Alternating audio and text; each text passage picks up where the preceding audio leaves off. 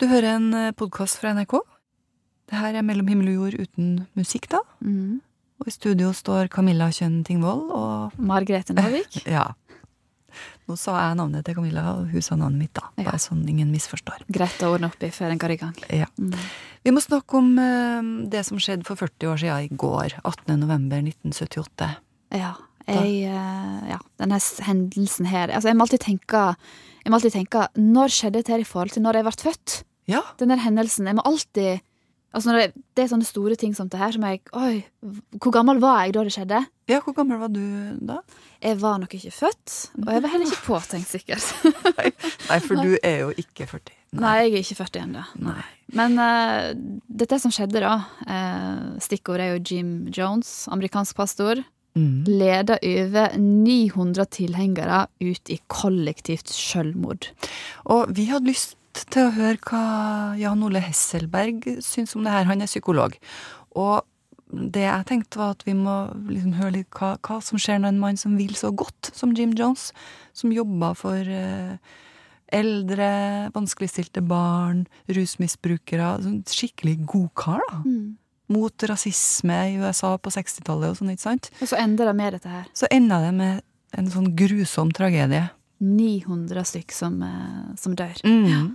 Men først da så tenkte vi at vi skulle hygge oss litt. Ja, vi må det først. Skryt og hyllest. eh, For det er jo sånn at det, gode ord de eh, kommer ofte når vi eh, skal skrive nekrologer. Har du lagt merke til det? Jeg har tenkt på det.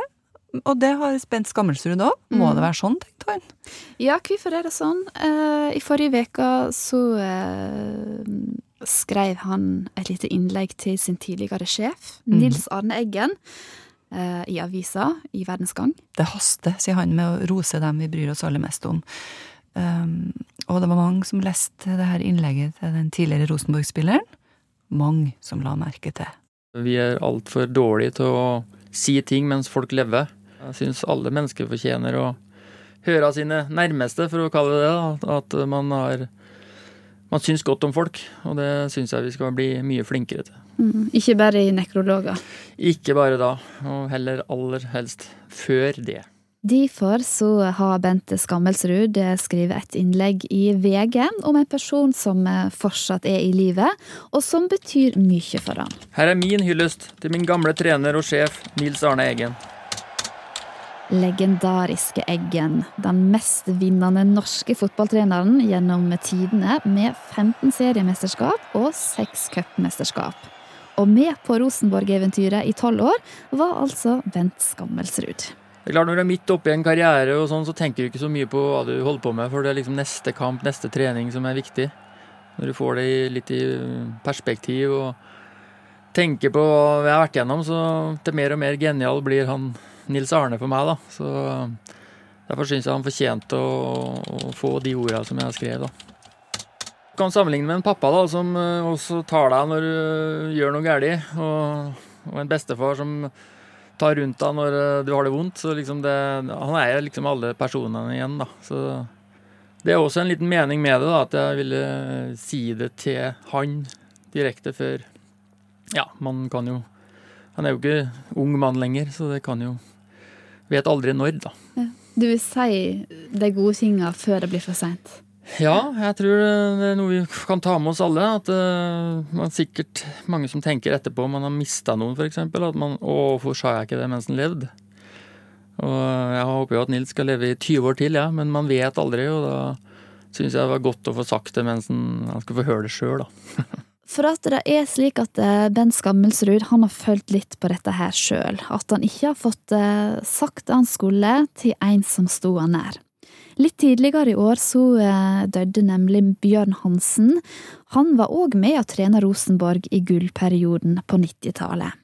Så jeg tenkte jo på Nils hadde jo en kjempefin nekrolog da, til, til Bjørn. Han har sikkert sagt det til Bjørn og han òg, men jeg tenkte jo òg at eh, kanskje jeg burde ha sagt noe til Bjørn før han plutselig døde. For han eh, var syk ganske lenge òg, så jeg hadde jo egentlig sjansen ganske mange ganger uten å gjøre det. Og tenkte at det her skal jeg ikke gjøre en gang til. Skal Nils Arne skal fortjene å få høre det direkte fra meg lenge før det, som jeg sa. Hadde du litt dårlig samvittighet etter at Bjørn Hansen døde?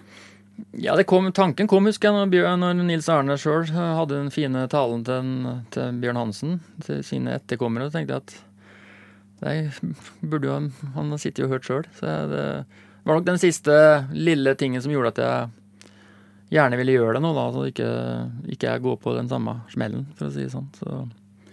Men hvorfor tror du at det, eh, vi har av og til litt vanskelig for å, for å si gode ting rett ut? Nei, det er et godt spørsmål. Ehm, og hvis jeg kan få noen til å gjøre det etter et stykke her, så da føler jeg kanskje at eh, meninga at jeg har fått frem noe i stykket på den måten òg. Og det er litt sånn med mennesker, da. vet du, Hvis vi, vi kan mene ti ting om en person, og det er ni ganske fine ting, og så er det én litt sånn dårlig, så er det ofte at vi fokuserer på den ene, da. Jeg vil at folk skal få fram godfoten til hverandre da, og skryte av ting vi er gode til. For det, det, gjør noe med mennesker å få litt uh, klapp på skuldra og litt skryt. Hva sier Nilsson egentlig til dette her, da? Du, jeg kjenner han Jeg har ikke snakka direkte med han. Han, øh, han øh, er ikke helt i form, så han, han jeg ikke, Men jeg har fått, fått gjennom flere andre at han setter veldig stor pris på det. Og det er klart, det var hovedbudskapet mitt, at han sjøl forhåpentligvis skulle bli glad for det. For som sagt, jeg har levd sammen i tolv år, vi har opplevd veldig mye godt sammen. Så det viktigste for meg er at han har blitt glad for den hyllesten. Men har du det litt bedre nå etter at du har skrevet dette innlegget? Ja, men jeg håper jo jeg skal treffe Nils, at vi skal klemme hverandre fortsatt. Ja. Så, men jeg har jo, har jo, på en måte både god samvittighet, og så visste jeg jo ikke at det skulle ta sånn som det, det gjorde. Men uh, hvis det rører noe med folk og kan endre litt folks eh, tankegang på de tinga, så er jeg jo veldig takknemlig for det. da. Ja, for til sjuende og sist så er det vel folk det handler om, folk vi har rundt oss, som betyr noe? Det er det, og det glemmer man i hverdagen. Da. Det er litt, litt poenget mitt òg, at vi stresser videre i livet, og hverdagene går fort. Og så plutselig er folk borte, og så har man liksom en tanke etterpå at å, hvorfor gjorde vi ikke det sammen, hvorfor sa jeg ikke det? Altså, det, det er aldri for seint. Og husk på å gjøre det mens folk lever og kan ta imot hyllesten, fra, for jeg vet jo at folk setter pris på det. Vi lever jo av det. Fra vi er små til vi er gamle, så liker vi å få et klapp på skuldra og, og skryt. Ja, og Man trenger jo ikke å gjøre så stort nummer ut av det som å skrive et innlegg i VG. Det er jo vanskelig for oss vanlige folk. Det mener også Bent Skammelsrud. Ja, for han, eh, han syns at det er en hyggelig kommentar òg. Hvis du f.eks. møter en kollega ved kaffeautomaten. Ja. Si noe fint da. Ja. Trenger, trenger ikke å skrive inn til VG. Men hvor flinke er vi egentlig til det her? Og okay. hvorfor, eh, hvorfor, er det så vanskelig å si 'jeg er glad i deg', eller 'du betyr så mye i livet mitt', eller hvis du skal ta skikkelig hardt i sånn 'jeg elsker deg'? Du, eh, skal vi overlate disse spørsmålene til, til folk på gata? Syns det. Det er for vanskelig for oss her. Ove Gundersen han eh, er tøff og tar med spørsmålet på gatene. Mm. Eller på gata, heter det vel. Er du flink til å fortelle mennesker rundt deg hva de betyr for deg? Ja, vet du, jeg tror faktisk jeg er over snittet flink til det, kanskje. Jeg syns det er veldig viktig, faktisk. Jeg skrev um, Pappa ble 70 år i fjor, og da ba jeg folk For han ønska seg ingenting. Og da ønska jeg for han på en måte at, skulle, at, folk skulle skrive et kort til han hva, om et minne, eller hva det, han betydde for dem. da. Jeg vet ikke hva du mener. jeg er kanskje litt over snittet. Jeg laga jo På 30-årsdagen hennes så fikk hun ei bok der jeg fikk alle som kom på festen til å skrive hva de syntes var bra med hun da. Ja. Hva skrev de da? Det var 100% positivitet, det altså. Ja. ja. det var det. Hva, hva, var det som var mest eh, treffende, syns du? Nei, Det er jo omsorgen hun har for folk rundt seg. da. Hun er jo ekstremt flink å ta vare på alle og, og, se det gode i alle. Husker du på side til henne også, eller? Jeg tror det. Ja. ja. Iblant. Iblant, ja. Er du flink til å, å fortelle hva mennesker rundt deg betyr for deg? Jeg må ærlig innrømme at det var dama jeg uh, nevner det til. er det dama di, eller? Hun står her og flirer. Hva sier du til henne, da? At jeg er veldig glad i henne. Hver dag. Hver morgen, hver kveld. Er det sant det? Sier han det? Ja, det er faktisk sant. Ja. Sier du noe tilbake til han, da? Ja, selvfølgelig må han si noe tilbake, ja. Du må, sier du? Er det bare sånn? jeg må nesten si det, ja. Er det bare mellom kjærester man sier sånt, eller hva med alle de andre menneskene som du treffer i det daglige liv, da? Du vet hva, beste, Jeg er eh, 23 år gammel, og bestefaren min eh, sa at han eh, elsket meg første gangen i løpet av de 23 år i livet mitt, liksom. det er helt sykt. Jeg ble overraska da han sa det.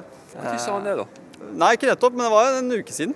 Han eh, faktisk elsket meg når jeg kjørte han eh, hjem fra meg til han. da. Hvordan reagerte du på det, da? Jeg tenkte litt på det, han har aldri sagt det før. Eh, Jeg tenkte litt på det. Smilte jo da på vei, eh, på vei hjemover.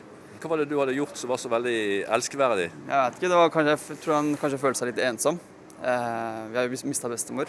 Jeg ble overraska når han sa det. da. Jeg har aldri hørt, det, hørt han si det før. Men det må også sagt det. Ble, ble du veldig rørt da?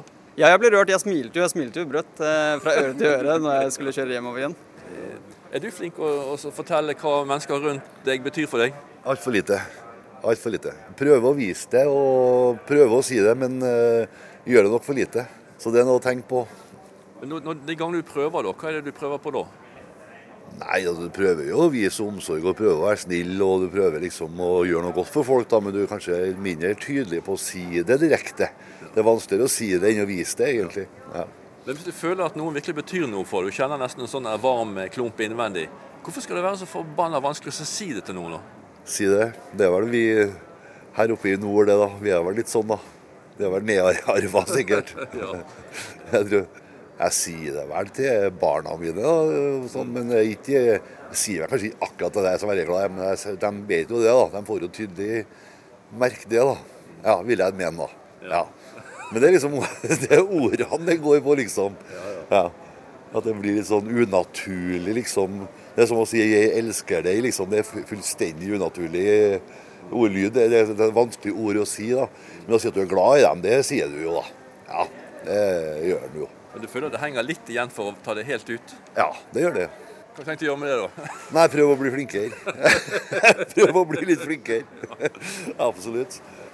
Ja, han var jo til å kjenne seg igjen i han eh, karen der, da. Men vi får teste en til.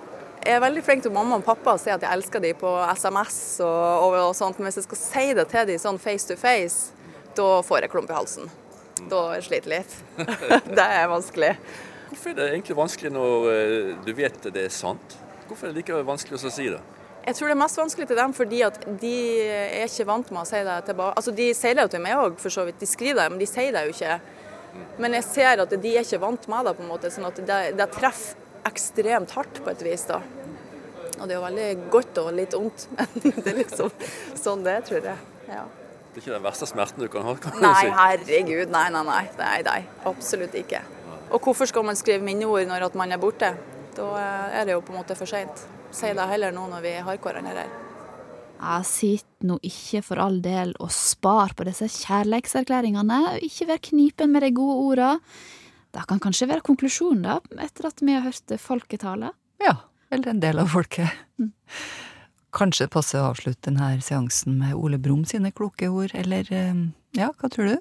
Hvor- Jo, hva var det han sa igjen? Han sa, eller det, det var Nasse Nøff som spurte hvordan staver man kjærlighet? Og så sier Ole Brumm man staver ikke kjærlighet, man føler den. Den var søt. Tonight, our Dominic Garcia takes us to one of the most unique startups in town.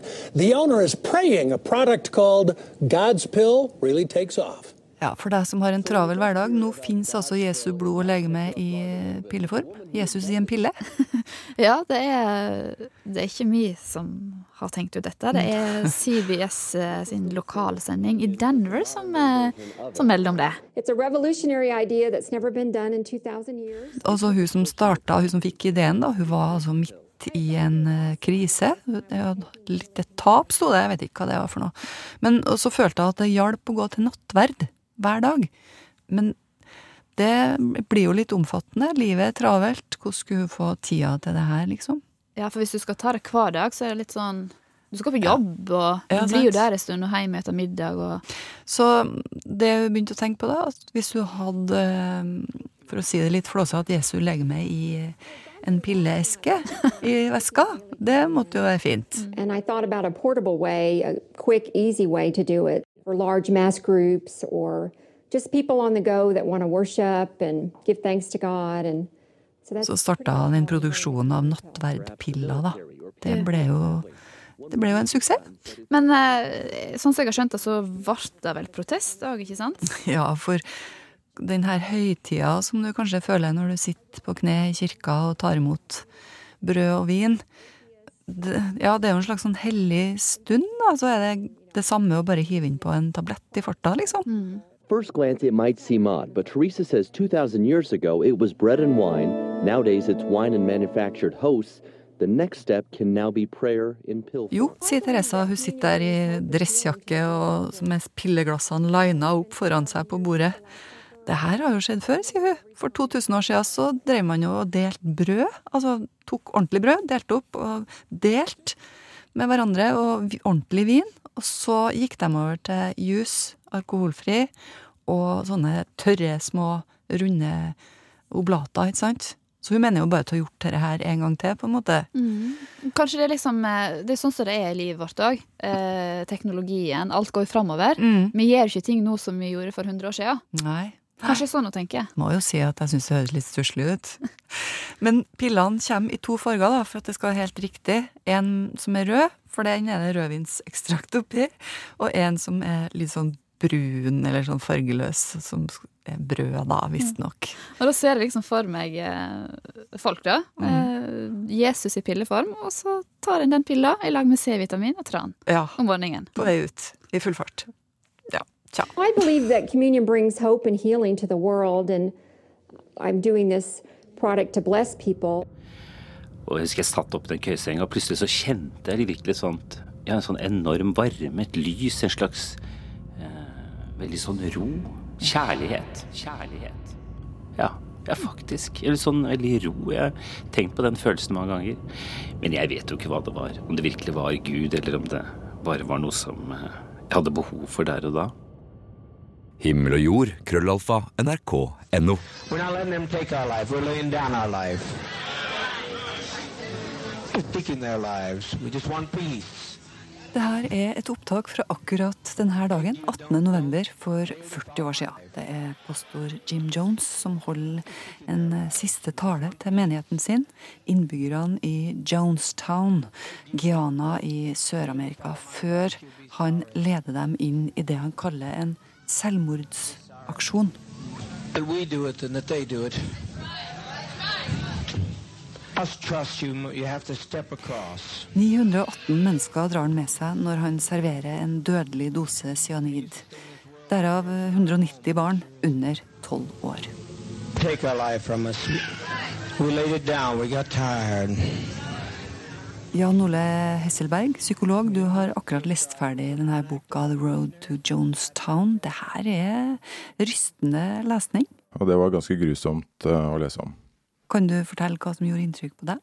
Ehm, det, som gjorde, det som gjorde aller mest inntrykk, var nok beskrivelsen av eh, den siste eh, fasen. Altså det masse det som, har, det som blir beskrevet som et masseselvmord, men som kanskje lignet mer på et massemord. Det var jo eh, veldig mange som ønsket å trekke seg unna den sekten, og kanskje spesielt i den situasjonen der som ikke ønsket å gjennomføre det, det selvmordet som han ville at de skulle. Og da en Da ble det jo satt opp vakter, rett og slett, i de lokalene, og foreldre ble nødt til å å motvillig ta livet av sine egne barn øh, og seg selv etterpå. Øh, og, og det blir beskrevet i ganske, ganske detalj i boken, så jeg måtte legge den, øh, legge den fra meg. For det var, det var noen som overlevde, som kunne fortelle om det her. Det var noen som klarte å rømme, øh, var det, og så ble jo dette tatt opp øh, på lydbånd. Så mm, vi har ganske mye detaljer om, om hva som skjedde. Ja, Som Jan Ole sier, vi har mange detaljer. Jim Jones han var, liksom, hadde de rette holdningene og gode verdier. Jobba for vanskeligstilte barn, hjalp eldre, rusmisbrukere. Mm, Mente at det her raseskillet i Amerika på 50-60-tallet var forferdelige greier. Han, han ville godt. Altså, han var en velgjører. Det høres jo ut som et veldig godt utgangspunkt til å gjøre mye bra for veldig mange mennesker.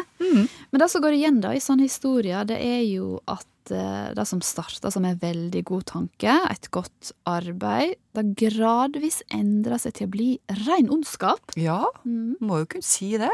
Eh, Og jeg hadde lyst til å høre med Jan Ole om hvordan denne overgangen skjer. Hvordan er det mulig at en som vil så godt, blir et monster, altså? Jeg tror at det i utgangspunktet nesten er en forutsetning at man har et godt formål, eller i det minste er veldig flink til å kunne samle folk om, eh, om noe. Hvis ikke så, så sliter man i motbakke helt fra begynnelsen av, og det gjorde jo definitivt ikke Jim Jones. Han, eh, han var en godt eh, likt av mange Mm. eh, person. Og så foregikk jo i det tilfellet her, og også i andre lignende tilfeller, dette over ganske lang tid, denne transformasjonen. Det er ikke sånn at man plutselig en dag så våkner han opp, og så er han eh, paranoid og, og ond, da. Det er noe som skjer over ganske lang tid, og de fleste av følgerne hans er også med på den reisen. Ja, Han var jo ikke eh, et helt vanlig barn. Jim Jones han vokste opp i Indiana i USA, og folk som bodde der i nabolaget, forteller om eh, litt sånn pussige karaktertrekk, og det sies at han drev og plaga katter og sånt. Tror du at uh, han hadde en baktanke mens han, uh, mens han gjorde alle de her gode gjerningene, om å ta makta over mennesker på sikt, liksom? Det er også litt vanskelig å si, fordi begge ting er mulig. Uh, I veldig mange tilfeller så er nok mennesker mye mindre kalkulerende enn vi liker å tro. Eh, Så når sånne voldsomme ting skjer, så, så føler vi kanskje et behov for å tenke at det lå en stor plan bak det. Selv om ting nok utvikler seg i mange tilfeller litt mer basert på tilfeldigheter enn vi, eh, vi kanskje liker å tro, da. Men kan det her skje med hvem som helst? Kan hvem som helst bli sånn som Jim Jones? Eh, ja, altså det er for så vidt et godt spørsmål både eh, om hvem som helst kan bli som han, og hvem som helst kan ende opp som en følger av eh, en person som Jim Jones. Og svaret på eh, det første om hvem som helst kan bli som han, det er, nok, det er nok nei. Det er ikke hvem som helst som har anlegg for det. For det første så må du jo være en ganske karismatisk type, og så må du nok ha en viss sårbarhet for å for eh, noen type psykiske lidelser også, for han ble jo veldig paranoid. Han var jo det vi nok vil kalle paranoid schizofren på slutten. Og det som gjorde at han var så, uh, så var og følsom for urettferdighet, var kanskje mulig, muligens det samme som gjorde at han også ble sårbar etterpå for å blåse det her opp til store konspirasjoner og, og se fiender rundt eh, hvert eh, gatehjørne. Og I tillegg så var det kanskje sånn at de gruppeprosessene som vi opplever til daglig, det er kjerneprosesser i oss mennesker som, som også gjør seg gjeldende i disse ekstremsituasjonene. Det er bare, eh, bare veldig veldig spesielle situasjoner som utløser det. Nå skal vi snakke litt om det her eh, hvilke mekanismer som trer i kraft når du blir leda av noen. Ja, altså Det er nok veldig likt det som skjer når man møter mennesker som man liker, og som man tenker eh, gradvis bygger en relasjon til eh, over tid. Så det, der kan man egentlig tenke på eh, hvordan man møtte sin beste venn, eller kanskje kjæresten sin også. men det er noe som kanskje er vanskelig å sette fingeren på, som man liker ved den andre personen, og som, som man kan bygge det forholdet videre på. Den store forskjellen i, de tilf tilfellene her er jo at dette er jo gjerne dette er mennesker som snakker til et større publikum, og, som, og hvor kommunikasjonen i mye større grad går én vei. Så det må være et tilfelle, eller må det være et innslag av at disse eh, personene sier noe som du virkelig føler sterkt for at er riktig. Og i Jim Jones sitt tilfelle så brukte han veldig mye av sin energi på enkeltpersoner også, og hjalp dem med de problemene de hadde.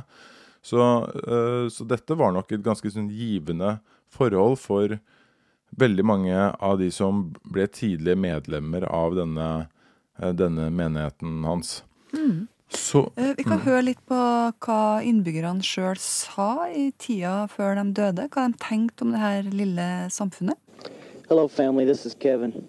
I'd like to just express how happy and how nice it is here to be in the promised land and how Father has saved each and every one of our lives. And I'm just so glad to be a part of this down here, to be able to work and build a land. Everybody here is really enjoying here, and Father, Father loves all of us. I really appreciate being here, being able to work under Father's direction. Ja, eh, Jan Ole, tror du de er ærlige, de som snakker her? Er de, syns de virkelig så godt om Jim Jones og, og Jonestown som de sier? Det eh, er også litt vanskelig å si. Det er selvfølgelig noen som kanskje tenker at de, er, eh, at de føler seg presset til det. Men det er også fullt mulig at dette er noe de trodde helt og fullt på. Kanskje spesielt i den tidlige fasen så var det nok, var det nok sånn for de fleste i den menigheten. Mm. Er vi alle like utsatt for, for denne, de her mekanismene, eller er det forskjell på oss? Vi er nok utsatt for de på en eller annen måte alle sammen. Fordi vi er mennesker, og, og vi, har ganske, vi, har en god del fellestrekk. Eh, som f.eks. det at vi, vi, vanligvis ikke liker å stå i konflikt med andre. At vi liker å tekkes gruppen vi er en del av. At vi er mer konforme enn vi kanskje liker å tro. At vi tilpasser oss eh, andre en god del. Men det er nok også sånn at det er noen ting som gjør en vesentlig mer sårbar for å havne i en situasjon som, eh, som dette. Og det er jo hvis du har veldig få andre mennesker rundt deg, så, eh, så har du også få, lite potensial til at noen sier du vet hva, nå, nå syns jeg kanskje at det går litt langt med eh, denne Jim Jones som har kommet eh, inn i livet ditt. I tillegg så er det jo sånn at Eh, vi vet at en del av de med sårbarhet for psykiske lidelser har også en tendens til å være overrepresentert blant de som havner i slike sekter. Men hvis du skulle gi et råd nå, da, til oss som hører på deg. Eh, hvordan oppdager vi at vi sjøl er i ferd med å la noen eh, lede oss mer enn vi har godt av? Ja, det er det som er kanskje eh, det vanskelige spørsmålet. Jeg vil tro at litt av problemet er jo nettopp at man, eh, man, ikke merker det så godt, og at man plutselig står der og så har det gått altfor langt.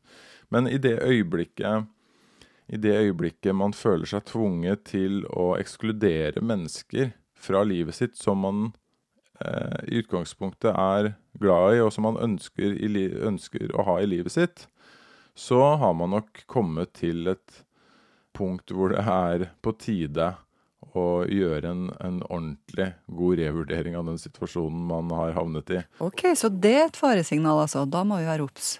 Ja, det tenker jeg. Det er, også en sånn, det er også et sånt vendepunkt for en god del i denne historien også. Virker det som at det er en del mennesker som kom til det punktet, og som følte seg tvunget til å ta det valget, og at det ble et slags sånn fikk jeg følelsen av i denne saken at det ble et vendepunkt for mange. Noen valgte å gå ut da, andre eh, valgte å bryte med sine, eh, sine, tidligere venner og familier.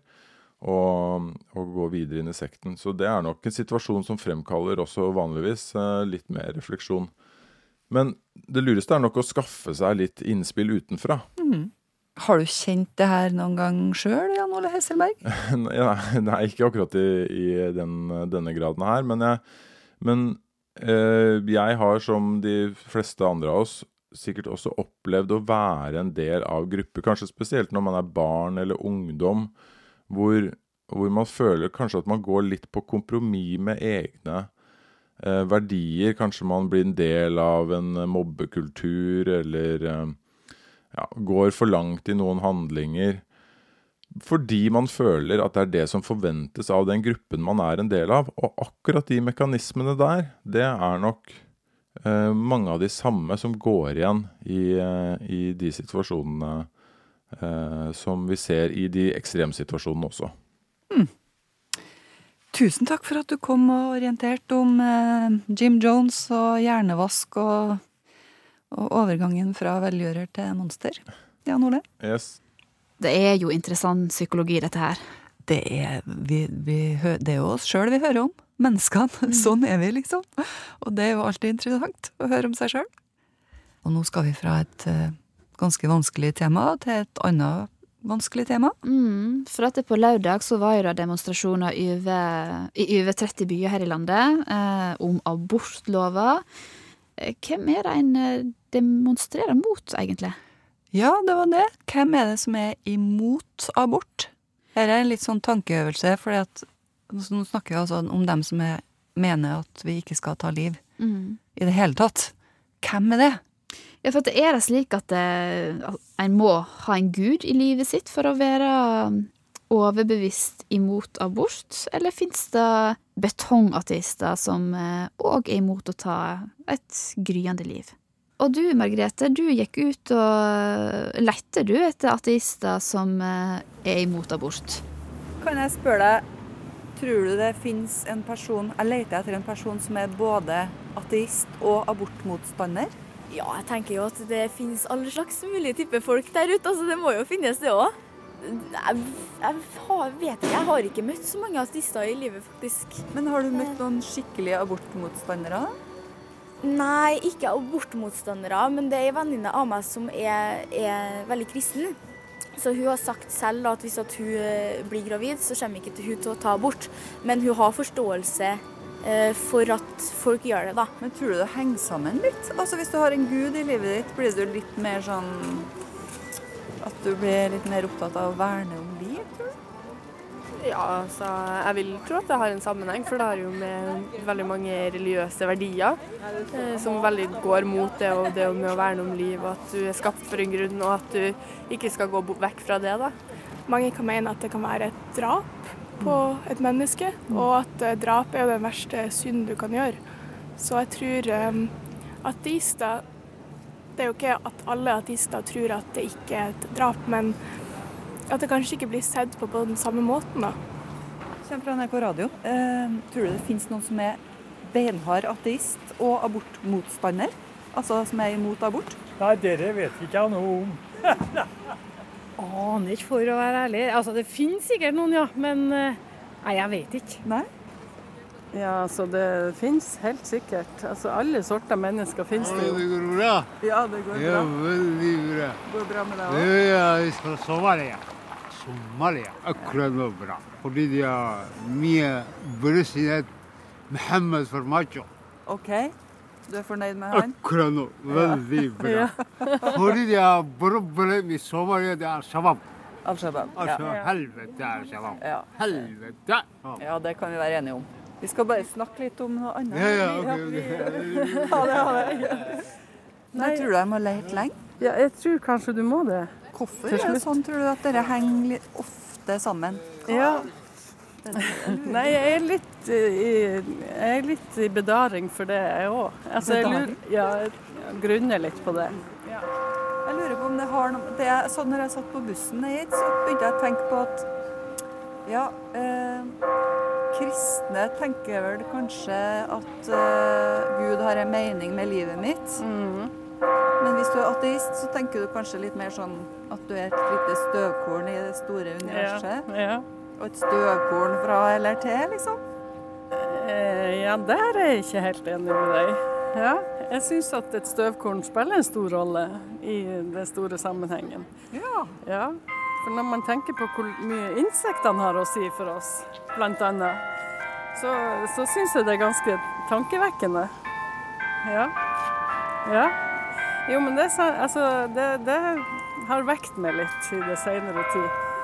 Altså at insektene betyr så mye for vår eksistens. Det syns jeg er veldig bra. Det kan bety mye sjøl om du er liten. Ja. ja, men det er helt sant. Sjøl om du er et lite støvkorn? Ja. Og derfor tenker jeg også at støvkornet har, har nok en misjon. Ja. ja. Med klokkeklang. Ja. Ja, det er kloke ord dette her fra folk på gata som vanlig. Men eh, jeg skjønner det sånn at du fant ingen abortmotstander som ikke tror på Gud? Nei, jeg fant faktisk en som sa jo, han trodde ikke på Gud, og han var imot abort. Men så trakk han seg, han trodde litt på Gud lell. Ja, så der fikk du bekrefta fordommene dine. Ja, jeg gjorde det. Og så hadde jeg lyst til å finne ut om her, for at sånn gateprat det er jo litt sånn dårlig grunnlag for å si at sånn er det. Ja, det er litt tilfeldige folk å Det prate det. med. Ja. Mm. Så jeg tenkte at eh, nå ringer jeg til hun Bente Sandvik i Human-Etisk Forbund, for hun kjenner mange ateister. For å høre, kjenner hun noen som er imot abort? Ja, Bente Sandvik. Ja, hallo, Margrethe Nåvik fra NRK Radio her. Ja, hei du. Hei, ja. Du var ute og demonstrerte i gatene i går, du, eller? Ja, det var jeg. Er du fornøyd med oppmøtet og engasjementet? Jeg tror, ja, det var et stort og viktig eh, oppmøte, og det, det tror jeg sender et tydelig signal. Ja. Det var veldig, litt sånn følelsen av déjà vu, og særlig det å møte veldig mange døtre av venninner. At vi går der flere, flere generasjoner. at dette er nødvendig. Mm. Det er en sånn sterk fellesskapsfølelse som oppstår da, sikkert. Det er det jo også. Du, det her har det jo vært snakka mye om denne uka her, men vi skal snakke om noe litt annet. For jeg har jo vært ute og leita eh, etter en ateist som er abortmotstander. Det fant jeg jo ikke. Hvor mange ateister kjenner du? Jeg kjenner nok ingen som eh, kaller seg ateister som er mot selvbestemt abort, for å si det sånn. Eller som er prinsipielle abortmotstandere. Jeg tror vi har det til felles at vi alle gjerne vil ha aborttallene ned, og at færrest mulig kvinner skal behøve å gå gjennom en abort. Men jeg tror ikke du finner mange som eh, prinsipielt sier at ikke kvinnen skal ha det siste ordet her. Men eh, ja, nå må vi si at du jobber i Human-Etisk Forbund med, Ja. med ideologi og livssyn. Eh, -hmm. Hvorfor henger det her så ofte sammen, da, tydeligvis, som det gjør? At man er Hvis man er ateist, så er man heller ikke abortmotstander. Nei, Jeg tror det handler om eh, i og for seg da menneskesynet. Altså et menneske, et født menneske skal ha alle rettigheter eh, og ikke utsettes for diskriminering eller nedsettende behandling uansett evner og forutsetninger. Men vi har nok et noe mer nøkternt syn på hvem som skal bestemme der hvor kvinnen blir ønsket gravid, eller der det er snakk om f.eks. alvorlig sykdom. Der ser vi nok kanskje mer biologisk på det. At naturen er ganske ødsel og raus. Og at det altså ikke ligger noen gudegitt mening bak. Det tror jeg nok kanskje er det helt springende punktet her. Ja, det var det jeg lurte på, jeg, om det rett og slett har med Om det er noen slags sånn mening i alle liv, da, for, eh, for en kristen, kanskje, mens eh, en ateist tenker annerledes på det? Hvordan tenker en ateist på liv? Jeg tenker jo at som sagt, når du er født, så er det et stort ansvar å prøve å gi det livet mening. Men eh, å tilskrive et foster tidlig i fullt menneskeverd, der tror jeg nok du vil finne forskjeller på religiøse mennesker og ikke-troende. Mm.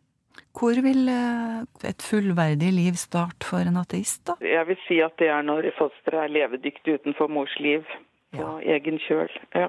Der har vi liksom ordnet oss greit. Det er vel det som er opplevelsen til så mange som går ut på gaten også, at dette har vi styr på.